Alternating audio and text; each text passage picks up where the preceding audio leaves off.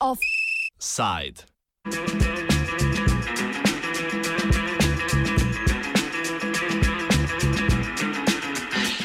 Reforme ali kontinuitete?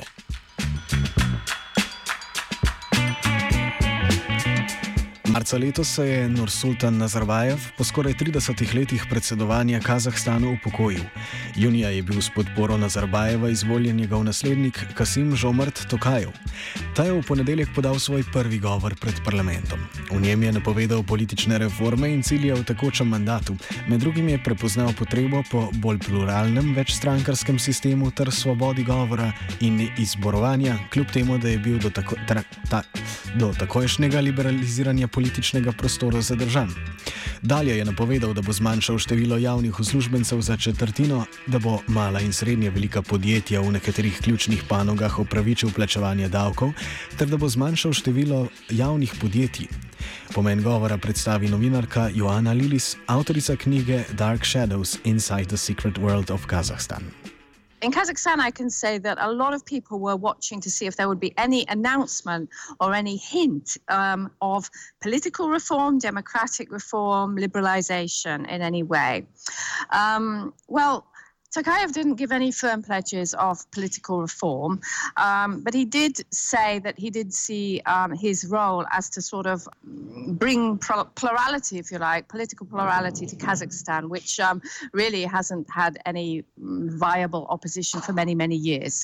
Um, but that was not a firm pledge. Um, he also spoke um, another another area that was closely uh, watched. He spoke about protests and about the right to protest in Kazakhstan. Now, this is something that has been under great scrutiny um, this year.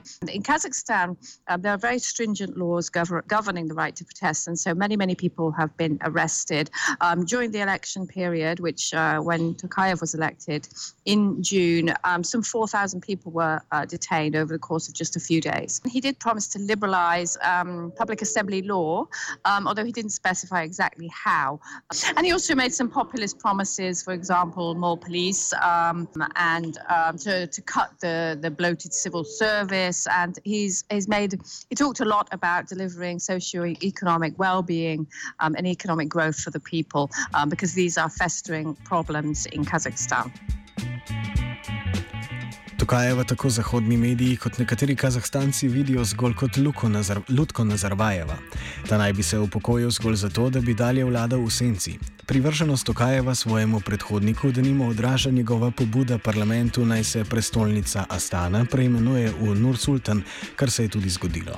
Tudi uradna politika novega predsednika je nadaljevanje politike Nazarbajeva. Kljub temu ima Lilis do takšne podobe Tokajeva ambivalenten odnos in meni, da kaže pri svojem delovanju tudi samostojnost. Nekaterih protestov, ki so izbruhnili po junijskih volitvah, denimo ni zatiral, čeprav je nekaj aretacij protestnikov bilo, kar ne bi bila za Kazahstan popolna novost.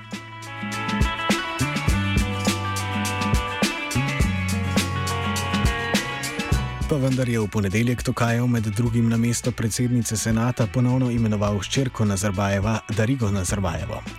Lilis razloži okoliščine njenega imenovanja, ki naj bi bile predvsem zagotavljalo nadaljno moč družini Nazarbajev. Tokayev um, also reappointed uh, or renominated um, Nazarbayev's eldest daughter, Dariga Nazarbayeva, to the position of Senate Speaker. Now, this is important because it's the, the number two role in the state in terms of the Constitution. Because in the case of something happening to the president who's in power, the Senate Speaker steps into the president's shoes. And that is indeed how Tokayev himself came to power. So, um, this uh, position of uh, Senate Speaker is closely watched and is very important. So the fact that um, Dariga Nazarbayeva became Senate Speaker during this political transition um, and was re- re-nominated by Tokayev um, this week uh, means that you know she is going to play a role for a long time to come. But I think what is important here um, is that that um, it's the Nazarbayev family that's playing the role through her in that position. When she became Senate Speaker, there was a lot of speculation that, um, in fact, she was about to become president uh, because Tokayev was only an interim leader at first. But that hasn't happened, and it looks as if Dariga Nazarbayev's role is to act as a guarantee for the Nazarbayev family um, a sort of um, check and balance, if you like, on um, Tokayev or on any other players who, who may wish to pursue an independent course, and um, to make sure that the family is both secure um, in terms of its um, physical security or assets and so on, and also to make sure that Nazarbayev's that Tokayev doesn't deviate from Nazarbayev's course and does what he has agreed to do really during this transition. So I see her as a more of a position of guaranteeing the family's interests. Predsedniške volitve, na katerih je 70 odstotki glasov zmagal Tokajev, sedem preostalih kandidatov opisuje kot prirejene. S tovrstnimi obtožbami se je v preteklosti kljub svoji priljubljenosti soočal tudi Nazarbajev, ki je denimo na svojih zadnjih volitvah dobil 98 odstotkov glasov podpore. Kljub to vrstnim očitvam gre za prve volitve v zadnjih 14 letih, na katerih je kandidiral član opozicije. Pomen junijskih volitev piše Lilis. The election which brought Tokayev uh, to power in um, June was um, this was the first election in 14 years that featured an, a candidate that had a track record of opposition politics. So for 14 years, Nazarbayev stood with uh, merely against stalking horses who were just there to lend uh, a semblance of competition, but they really supported Nazarbayev. In fact, one in, in one election, one of his so-called rivals admitted to voting for Nazarbayev. So the fact that this time there was a candidate with a track record of opposition politics was significant. Um, also significant was that um, Tokayev that that that candidate aired um, things, uh, um, criticism that hasn't been heard, for example, in the state media or in the mainstream discourse for years and years and years about um, all kinds of issues that the government doesn't normally allow to be discussed. Um, so that was significant. And also significant was um, that Tokayev got a much lower margin of victory than Nazarbayev. I mean, in the last election for Nazarbayev, he got 98%. Tokayev was elected with 70%. However, still, the main opposition candidate candidate um, said the election was rigged, and um, international observers, credible international observers, um, found much evidence to suggest that was true. So this was merely um, the election was really run on the same lines as previous ones, controlled by the administration to deliver the result they want. Um, but this one showed a little bit more elements of competition, and maybe that means that in the future elections will become more competitive in Kazakhstan. We'll all be watching for the next parliamentary election to see if there are real opposition parties standing in the election and entering parliament because parliament hasn't seen any opposition since 2007. Vse odkar je Tokajev nastopil funkcijo, pa državo pretresajo različni protesti. Pri njih ne gre za široko gibanje z jasno formuliranimi zahtevami, temveč za razpršene interesne skupine, ki so po mnenju Lilis izkoristile politično dogajanje okoli volitev. Well, there have been many um, demands voiced at the protests, including political demands, demands for political voice, uh, political reform, and also um, action over socio-economic grievances. And I, I think what, what we the lesson we can take from the protests is that Nazarbayev's resignation and the political transition acted as a catalyst for protest moods that were already present, but were not well were, were fairly rarely expressed, at least on the streets. Um, so I think that that's the lesson we can take from that. Um, the protests have not been led by any particular opposition movement because Kazakhstan, um, under Nazarbayev, uh, pretty much eradicated organized political opposition. And in fact, this has backfired now on the administration because. Um, you know, it, it leads to protest moods springing up in all kinds of places, and it, it's quite hard to, to channel dialogue or to control. Um, so um, there, there isn't really much in the way of organized op- opposition in Kazakhstan. There's only one legally functioning party that can lay any claim at all to being an opposition party. But the protests are not being led by that party. The protests are being are grassroots inspired. For example, they are led by pro-democracy activists, young people who form movements. Um, there, there's one called Oyan Kazakhstan, Wake Up Kazakhstan. They're young people, pro-democracy activists demanding democratic reform.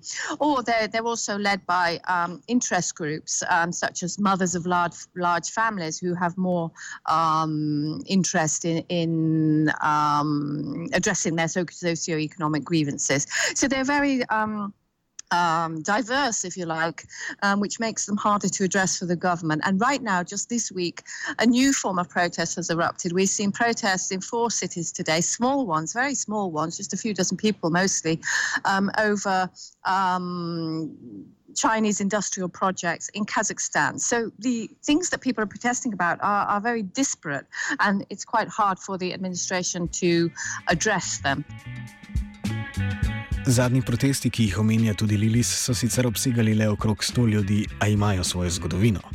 Protestniki nasprotujejo napovedanim investicijam Kitajske v Kazahstan, ki je ključni partner kitajske tako imenovane inicijative pasu in ceste, ki predvideva številne razvojne in infrastrukturne investicije v 152 državah. Negativna naperjenost zopr Kitajsko se je v Kazahstanu v zadnjih mesecih zaostrila, saj so v javnost prišla poročila o kitajskih interakcijskih centrih za etnične manjšine v pokrajini Sirkinanu. V njih naj bi bilo zaprtih tudi več tisoč etničnih kazahstancev, a to je le prililo olje na ogen. Druge razloge za nasprotovanje kitajskim investicijam opiše Lilis. There is a lot of um, suspicion in Kazakhstan about um, the role that China uh, plays in the economy. There is fear of Chinese expansionism, and that's because China is, um, you know, a large and politically and economically powerful country, and Kazakhstan is not. It's a it's a weaker neighbor. Um, so people fear that. I mean, there is also um, xenophobia among some people, um, and so um, China is in, in some ways, when, when it comes to um, certain aspects of Kazakhstan's relationship with China, it becomes very toxic because people reject some elements of the um, partnership. Kazakhstan is an ally of China and um, a key partner in China's Belt and Road project, but it, um, it arouses suspicion among ordinary people. Right now, they're protesting about plans for industrial projects in, involving, um, in some cases, uh, they are supposed to involve moving some plants to Kazakhstan from China to work in Kazakhstan, um, some industrial plants, facilities. Um, uh, but but but um, the, you know, the, even though uh, there isn't full transparency on what what the projects are, but there, there is talk of 55 projects involving Kazakhstan and China under the Belt and Road Initiative. Um, but this is not the first time that, that um, economic cooperation with China has sparked uh, protests in Kazakhstan. In 2016, um, there were uh, protests over land reforms. Um, this, this was intended to e- expand private investment in um, Kazakhstan's agricultural land. Um, but there was fears among uh, many ordinary people that it would really be Chinese investors investors who would who would snap up the land. Um, there was fears um, of losing control of the land. So the China element is always toxic in Kazakhstan, and now um, it sparked a new round of protests this week.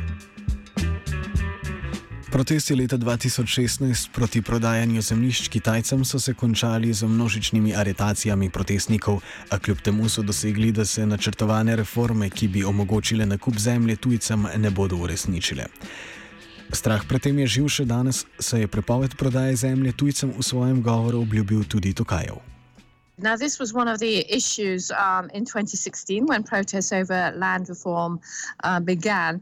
Um, foreigners are not allowed to own, own land in Kazakhstan, um, but under the reforms, uh, which were planned in 2016 but then were shelved, um, there were plans to allow at least some um, some involvement of leasing and ownership as long as uh, foreigners had a, had a Kazakh partner. But I think Kazakh, uh, I think Tokayev is reaffirming the pledge not to sell allow foreigners to buy land in order to try and appease these concerns because it's a very, very sensitive issue in Kazakhstan. Nekatere od nedavnih protestov je iz Francije organiziral oligarh Muhtar Abjazov, ki je v preteklosti že večkrat organiziral protivladne aktivnosti. Za konec današnjega offsajda smo Lidis vprašali, kolikšen vpliv ima v kazahstanski politiki Abjazov in kakšno vlogo v opozicijski politiki mu pripisuje. He's a tycoon, a, a, a former banker, um, a businessman who fled Kazakhstan or, or, or went into self imposed exile in Kaz- from Kazakhstan in, in, 2009 when the government seized his bank and accused him of corruption. Um, he'd already had a history of crossing Nazarbayev. In fact, in the early 2000s, he formed a reform movement and um, ended up in jail on corruption charges. And then, uh, then he was released from jail and eventually returned to Kazakhstan. Kazakhstan, uh, and he, he eventually uh, began business in Kazakhstan again, and then fell foul of Nazarbayev again. Now, the government says he's uh, been involved in, in corruption practices, um, and um, you know there, there was a case pursued for years and years and years in the London High Court um, involving uh, embezzlement of, of at least six billion dollars.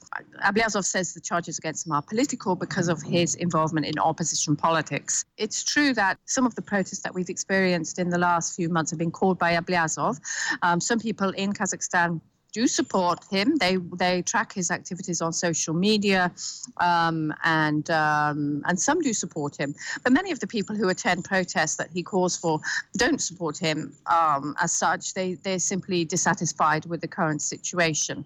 So I think um, you know he he likes to um, exaggerate his own importance one of the reasons that um, people get arrested for attending protests when he calls for them is because his movement is illegal.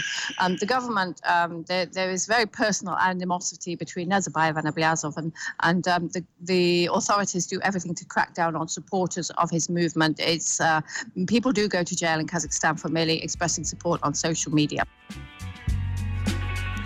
Kljub temu za zdaj ne kaže, da bi se vladajoča stranka Nur Otan kmalo morala soočiti z resnejšo opozicijo.